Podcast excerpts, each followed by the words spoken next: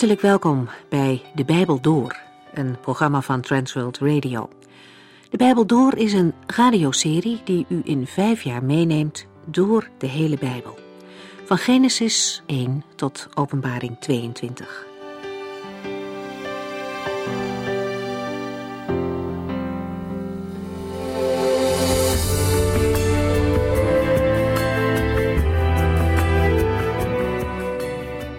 Deze uitzending van de Bijbel Door begint met nummer 10. Maar zoals altijd kijken we even terug. Hoofdstuk 8 begint over de kandelaar in de tabernakel. De zeven lampen daarvan moesten zo geplaatst worden dat het licht naar voren scheen, op de tafel met toonbroden. We vergeleken dat met de Heilige Geest die Christus laat zien in de wereld. Na deze verse over het licht komen voorschriften hoe de levieten zich moesten reinigen voordat ze de Here konden dienen. Wie wil leven en werken in het licht van God, moet zich reinigen. Bij de Levieten gebeurde dat in vier stappen. Het begon met een bad. In het Nieuwe Testament wordt dit beeld ook gebruikt. Iemand die voor het eerst tegenover God erkent dat hij of zij zondig is, krijgt vergeving en wordt als het ware van top tot teen een nieuw en schoon mens. En daarna gaat er in ons leven best nog wel wat mis, maar daarvoor is elke dag een wasbeurt nodig. De levieten moesten zich verder scheren en hun kleren wassen. Kleding zegt veel over waar iemand mee bezig is. Het zegt iets over leefgewoonten. En de les die we van de levieten kunnen meenemen is dat we ook onze leefgewoonten mogen vormen naar Gods wil. Als vierde stap moesten de levieten dan nog een offer brengen. En toen deze dingen klaar waren, verzamelde het hele volk zich bij de tabernakel. De stamhoofden legden namens het volk hun handen op de levieten en boden hen als het ware aan de heren aan, als geschenk. Voortaan zouden de levieten het volk vertegenwoordigen in dienst van het heiligdom. Als de mensen uitgekozen zijn, beginnen in hoofdstuk 9 de voorbereidingen voor het vertrek. De Heere geeft allereerst opdracht om het paascha te vieren. Een paar mannen komen bij Mozes en Aaron en geven aan dat zij vanwege een onreinheid niet mee kunnen doen. Maar ze willen wel graag gehoorzamen. Mozes gaat met die vraag naar de Heere. Hij bedenkt dus niet zelf iets, maar hij weet hoe belangrijk het is om volgens Gods geboden te doen. De Heere verzekert Mozes en het volk vervolgens van zijn leiding, dag en nacht als ze onderweg zijn. Als het donker is, zal God zelf voor licht zorgen. Hij zal duidelijk maken wanneer het tijd is om te gaan of om te rusten. De Heere is een God die voortdurend zorg heeft voor zijn mensen. We gaan verder met hoofdstuk 10.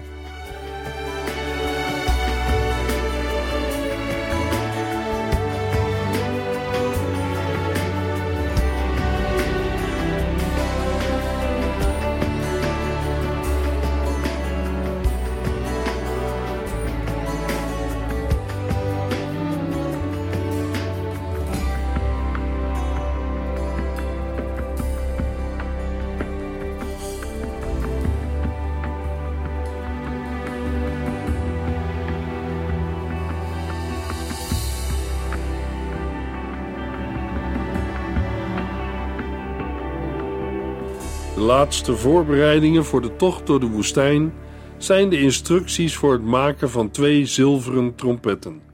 De eerste tien versen van nummer 10 gaan over deze trompetten. De woestijnreis begint dan in vers 11. Nummer 10 vers 1 en 2. Nu zei de Heere tegen Mozes: Maak twee trompetten van gedreven zilver. Die moeten worden gebruikt om het zijn verzamelen en opbreken te blazen.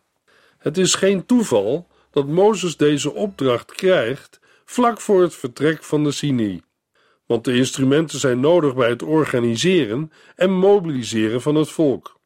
Nummer 10 sluit nauw aan bij nummer 9. Kwam in nummer 9 naar voren dat de Heer het initiatief neemt voor het vertrek door het opstijgen van de wolkolom. Hier blijkt hoe dat vertrek in praktische zin vorm krijgt doordat het volk met trompetten wordt opgeroepen om op te breken. De trompetten zijn nodig om leiding te geven aan het volk. Het gaat om twee trompetten. één voor Eleazar en één voor Itamar, de twee zonen die Aaron nog heeft na de dood van Nadab en Abihu.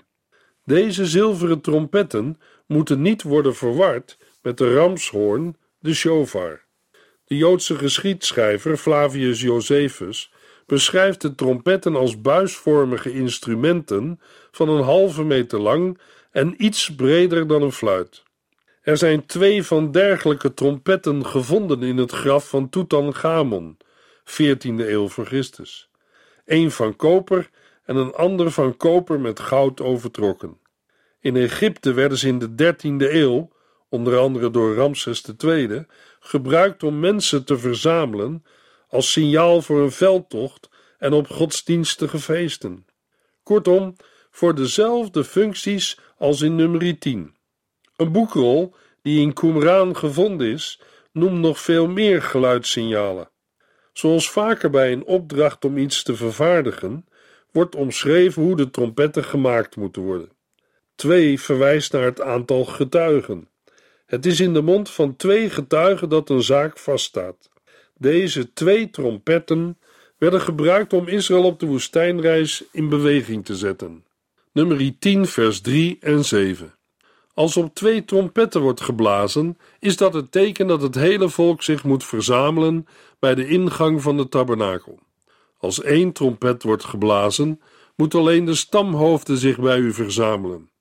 Er zullen verschillende trompetsignalen nodig zijn om onderscheid te maken tussen het zijn verzamelen en opbreken en verder trekken. Als het vertreksignaal wordt geblazen, moeten de stammen die aan de oostkant van de tabernakel hun kamp hebben, het eerst vertrekken. Bij het volgende signaal vertrekken de stammen aan de zuidkant. De versen 3 tot en met 7 noemen de verschillende signalen die op de trompetten geblazen worden. Wanneer men op beide een trompetstoot geeft, moet het hele volk samenkomen bij de tabernakel. Geeft men een trompetstoot op één trompet, dan hoeven alleen de stamleiders zich bij Mozes te melden. Vanaf vers 5 is er, in de Hebreeuwse grondtekst, sprake van een luid signaal, dat zich kennelijk van de trompetstoot onderscheidt. Wanneer dit signaal één keer klinkt, is dat het sein tot vertrek voor de stammen die aan de oostzijde van de tabernakel gelegerd zijn. De stammen Juda, Issachar en Zebulon. De tweede keer vertrekken de stammen aan de zuidzijde, Ruben, Simeon en Gad. Voor de overige stammen worden geen nadere instructies gegeven. Alleen de priesters mogen de trompet blazen. Ook in de eindtijd spelen de bazuinen of trompetten een rol. In het laatste Bijbelboek Openbaring komen we er uitgebreid op terug. Nummer 10, vers 9 en 10. Wanneer u aankomt in het beloofde land en oorlog voert tegen uw vijanden, zal de Heere u horen en u te hulp komen als u in nood alarm blaast op de trompetten. Gebruik de trompetten ook in tijden van blijdschap, tijdens de jaarlijkse feesten en aan het begin van elke maand om uw vreugde over de brandoffers en vredeoffers te laten blijken. God zal dan steeds weer denken aan zijn verbond met u, want ik ben de Heere, uw God. In de toekomst, wanneer de Israëlieten in Canaan wonen, is er natuurlijk niet meer nodig het signaal voor vertrek te geven. Toch verliezen de trompetten dan hun functie niet, want ook dan zijn er gelegenheden waarbij een signaal gegeven wordt. Het alarmblazen functioneert in situaties van oorlog en strijd om de hulp van de Heer in te roepen. De Heer zal dan de Israëlieten horen en verlossing schenken. Ook de trompetstoot blijft functioneren nadat het volk in Canaan woont, en wel bij de brand- en slachtoffers die gebracht worden in tijden van blijdschap, op alle vaste feestdagen en telkens met nieuwe maan. Ook dit gebruik van de trompetten zal een gedenken bij de Heere bewerkstelligen. Het is een bevestiging van de relatie tussen de Heere en zijn volk, die altijd, door trompetsignalen, tot uitdrukking moet blijven komen. De trompetten waren van zilver gemaakt. Het losgeld dat betaald moest worden voor het vrijkopen van de 273 oudste zonen. De trompetten, juist van dit zilver gemaakt, lieten hun signalen horen, de aanwijzingen van de Heere, aan een verlost volk. In de Septuaginta wordt voor de trompet en de shofar hetzelfde woord gebruikt. En dat is ook in het Nieuwe Testament het geval, vaak vertaald met bazuin, zodat het moeilijk is onderscheid tussen die twee te maken. In verband met de wederkomst van Christus en de opwekking van de doden lezen we dat een bazuin zal klinken. 1 Korinthe 15 en 1 Thessalonicense 4. Nummer 10 vers 11 en 12. De wolk steeg op boven de tabernakel op de twintigste dag van de tweede maand van het tweede jaar na Israëls uittocht uit Egypte. De Israëlieten verlieten de Sinaï-woestijn en volgden de wolk naar de woestijn Paran. Nu alle voorbereidingen voor het vertrek klaar zijn, breekt het moment van vertrek aan. Ruim elf maanden lang is Israël bij de Sinaï geweest. Negentien dagen zijn er verlopen sinds de telling van nummer 1 en ruim dertien maanden zijn verstreken sinds de uittocht uit Egypte. Nu is Israël klaar om naar het beloofde land te gaan. In vers 12 wordt de reis van de Sinai naar de woestijn Paran als één geheel genomen. We weten uit nummer 11 vers 34 en 35 dat onderweg de wolkolom nog op twee andere plaatsen stopte. Door de woestijn van Paran vormt nummer 10 vers 11 tot 12 vers 16 één geheel. De reden laat zich vermoeden. In nummer 12 vers 16 komt Israël tot aan de grens van het beloofde land.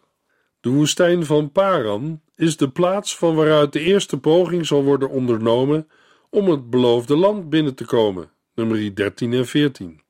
In vers 13 wordt uitdrukkelijk vermeld dat dit de eerste keer is dat de bepalingen over het opbreken van de stammen in de praktijk wordt gebracht. De Heere neemt daarbij het initiatief, niet Mozes of het volk zelf.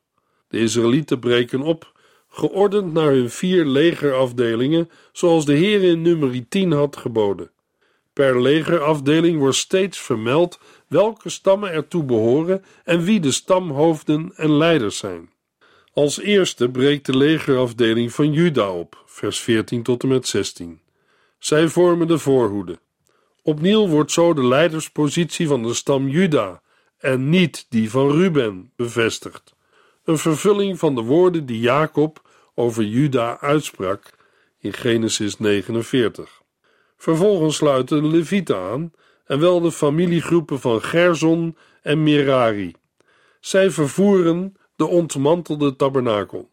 Daartoe beschikken zij over de wagens die zij bij de inwijding van de tabernakel hebben gekregen. Dan volgt de legerafdeling van Ruben, vers 18 tot en met 20. Ze worden gevolgd door levieten uit de familiegroep van Kehat. Zij dragen de voorwerpen uit het heilige op de schouders, vers 21. Doordat zij niet samen met de andere levieten reisden, maar pas verderop in de stoet volgden, was de tabernakel al opgebouwd door de Gersonieten en de Merarieten als zij bij de rustplaats aankwamen.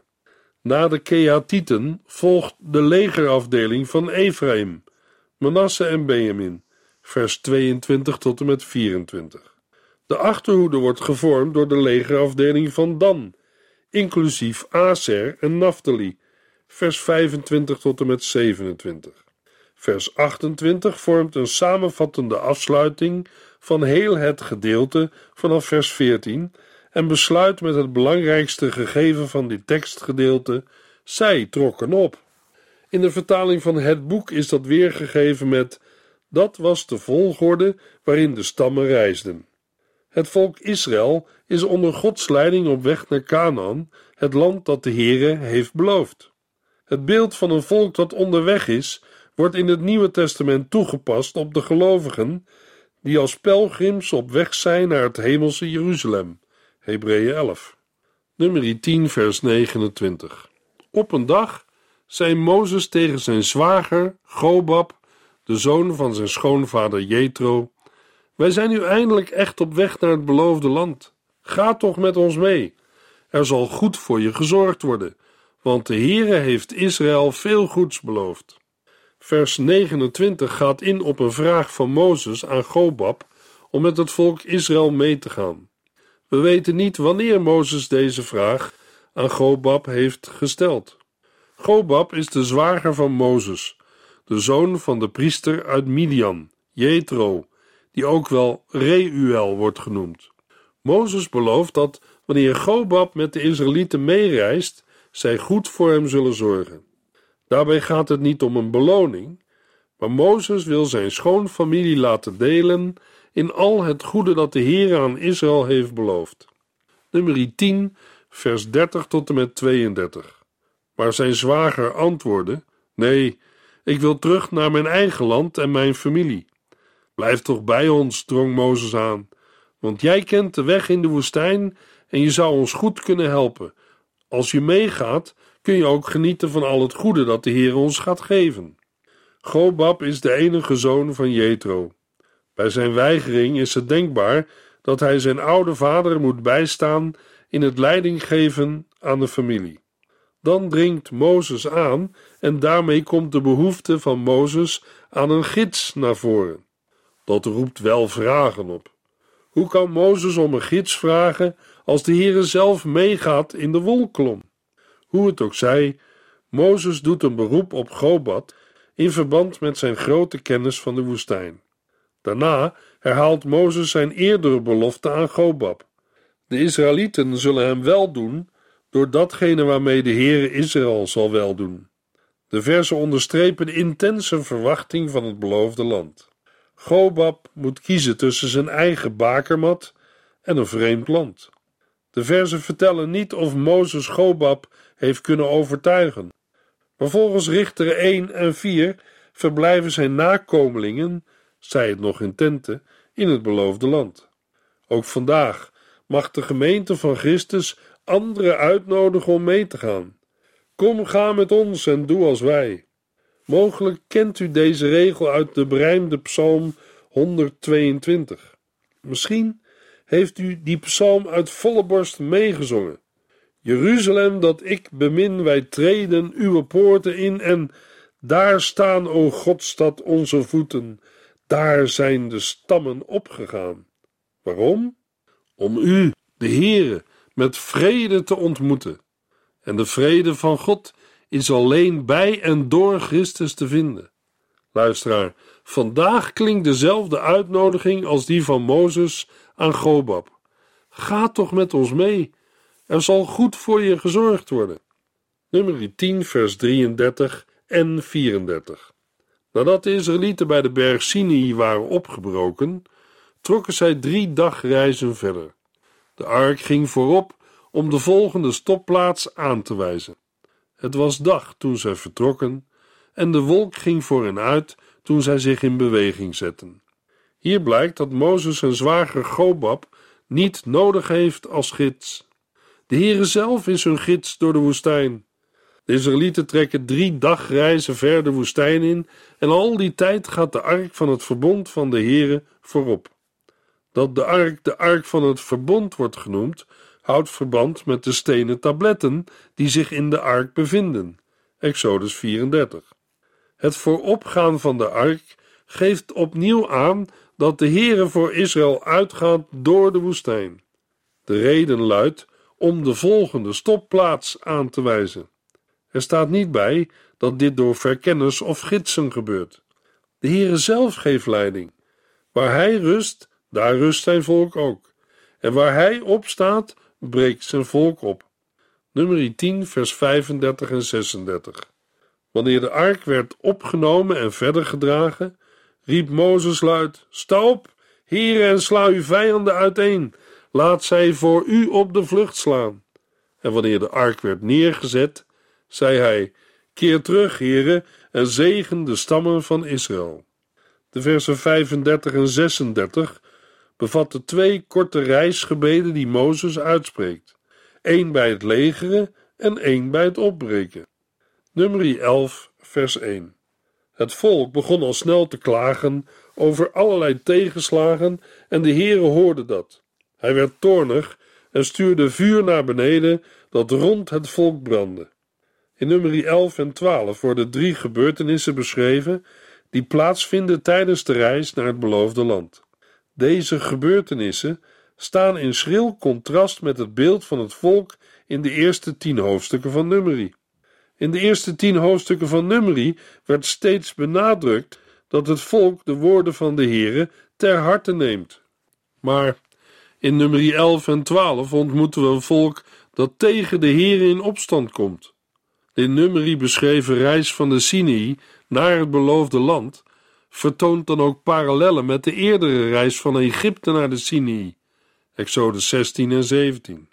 Ook in Exodus klaagde en jammerde het volk steen en been.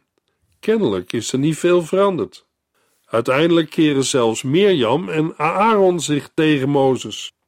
Zo vormen nummer 11 en 12 een sombere voorbode voor de gebeurtenissen die straks aan de grens van Canaan zullen plaatsvinden, nummer 13 en 14. In nummer 11 en 12 komt de positie van Mozes als leider van het volk duidelijk naar voren. Mozes is in deze hoofdstukken voor alles de middelaar tussen de Here en een opstandig volk. Er wordt een helder beeld geschetst van de moeilijke positie waarin Mozes zich bevindt. Daarnaast ook van zijn worsteling om zijn recht te vinden bij de Here. Maar de Heere bevestigt Mozes in zijn leiderschap. Het volk is aan het klagen over allerlei tegenslagen. De tekst geeft niet aan wat de tegenslagen zijn. Kennelijk viel de woestijntocht tegen na het lange verblijf aan de Sinai. Het klagen van het volk blijft niet onopgemerkt. De Heere hoort het en zijn toorn ontbrandt. Hij zendt een vuur naar beneden dat rond het volk brandde. Uit de tekst wordt duidelijk dat de brandende toorn van de Heere tegen de Israëlieten uitloopt op een echt vuur. Nummer 11, vers 2 en 3.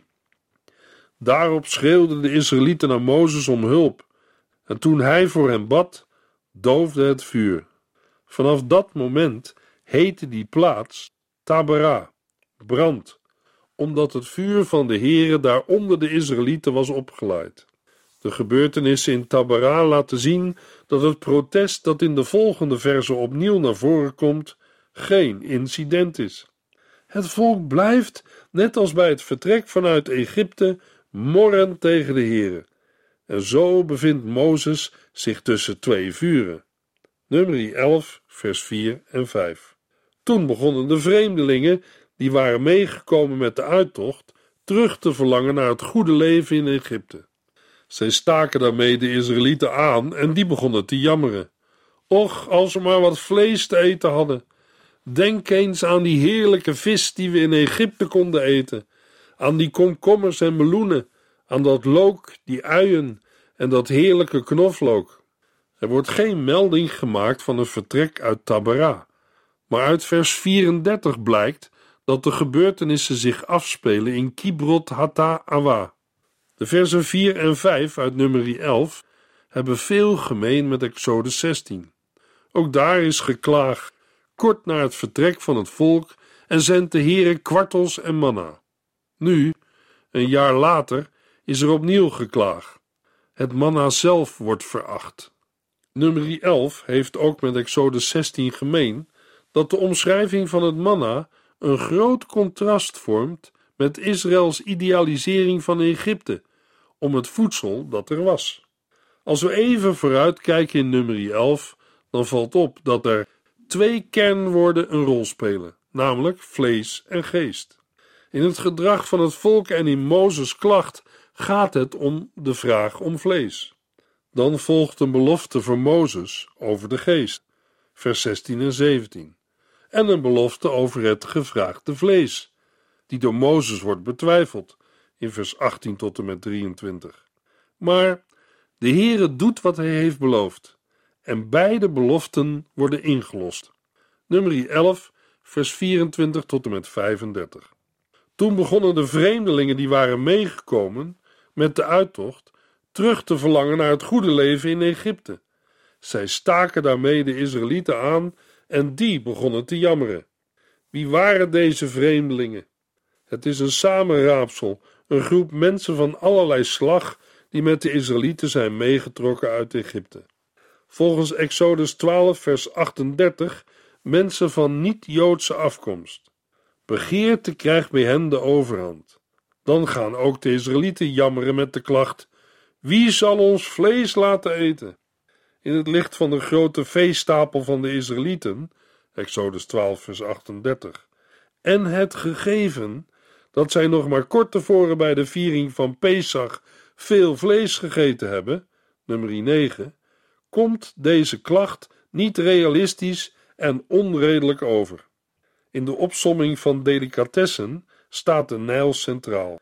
Gratis te vangen vis, overvloed aan komkommers en watermeloenen aan de oevers en een makkelijke teelt van groenten, uien en knoflook.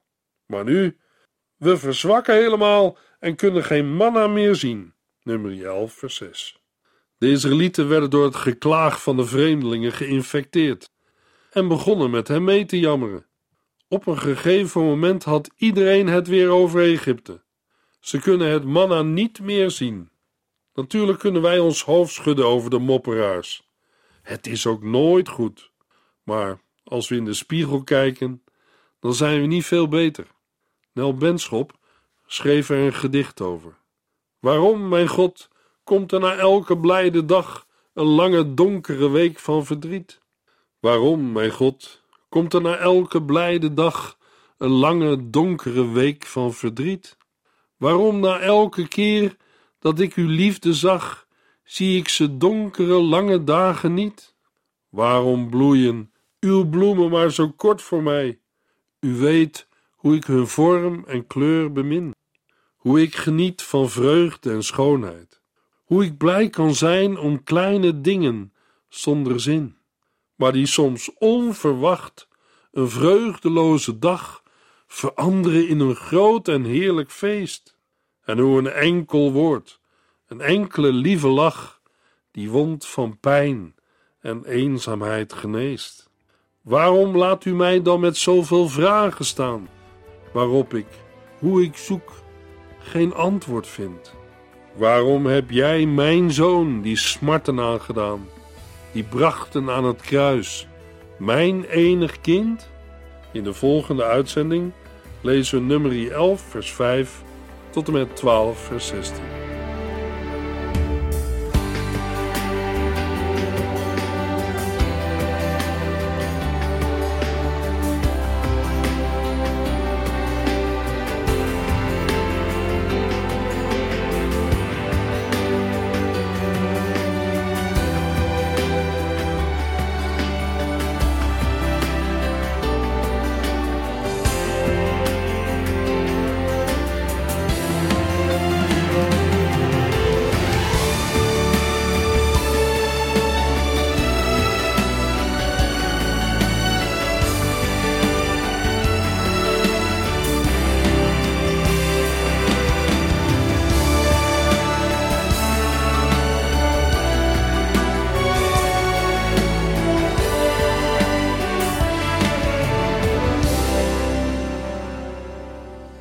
Geluisterd naar De Bijbel Door.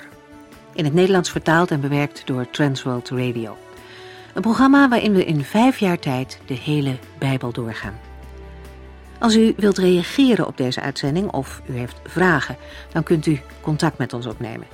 Tijdens kantooruren kunt u bellen op 0342 47 8432. 0342 47 8432. 32. Ook kunt u een e-mail sturen naar de Bijbel door transworldradio.nl en natuurlijk kunt u ook via de post ons bereiken. TWR, postbus 371, postcode 3770, AJ in Barneveld. Dit programma werd gepresenteerd door Cor Weda en Ike André. Techniek was in handen van Odin van Woerdekom. En wij allemaal bedanken u voor het luisteren. Graag tot de volgende keer.